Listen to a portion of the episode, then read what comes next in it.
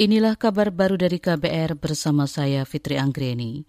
Menteri Koordinator Bidang Politik Hukum dan Keamanan Mahfud MD berjanji akan menindaklanjuti temuan Komnas HAM terkait kematian pendeta Yeremia Zanambani di Papua.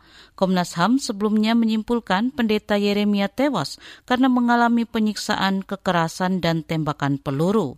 Mahfud mengakui terdapat perbedaan dalam temuan versi Komnas HAM dengan tim gabungan pencari fakta TGPF bentukannya. Laporan ini yang telah disampaikan kepada saya akan disampaikan juga kepada Presiden seperti halnya laporan TGPF sudah saya sampaikan ke Presiden dan tentu yang diharapkan dari ini adalah follow up ya kami akan memfollow up sesuai dengan jalur yang tersedia. Itu tadi Menko Polhukam Mahfud MD. Sebelumnya Komnas HAM menyimpulkan pendeta Yeremia Zanambani mengalami penyiksaan dan tindakan kekerasan lainnya berupa tembakan.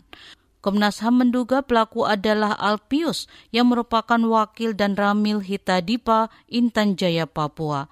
Komnas HAM merekomendasikan agar kasus penembakan pada 19 September lalu itu dibawa ke peradilan koneksitas demi transparansi. Majelis Tertinggi Rakyat Korea Utara memberlakukan larangan merokok di tempat umum. Larangan yang diumumkan Rabu waktu setempat dilakukan guna menyediakan lingkungan hidup yang sehat bagi warga. Laporan kantor berita Korea Utara KCNA menyebut larangan merokok bertujuan melindungi kesehatan warga. Selain larangan otoritas tempat juga memperketat kontrol produksi dan penjualan rokok.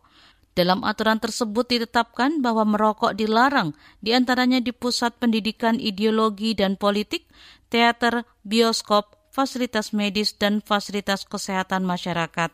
Data Organisasi Kesehatan Dunia WHO menyebut lebih dari 43 persen populasi pria di Korea Utara adalah perokok.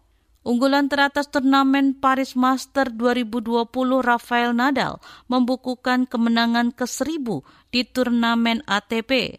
Nadal menang melawan Feliciano Lopez pada Kamis waktu Indonesia Barat.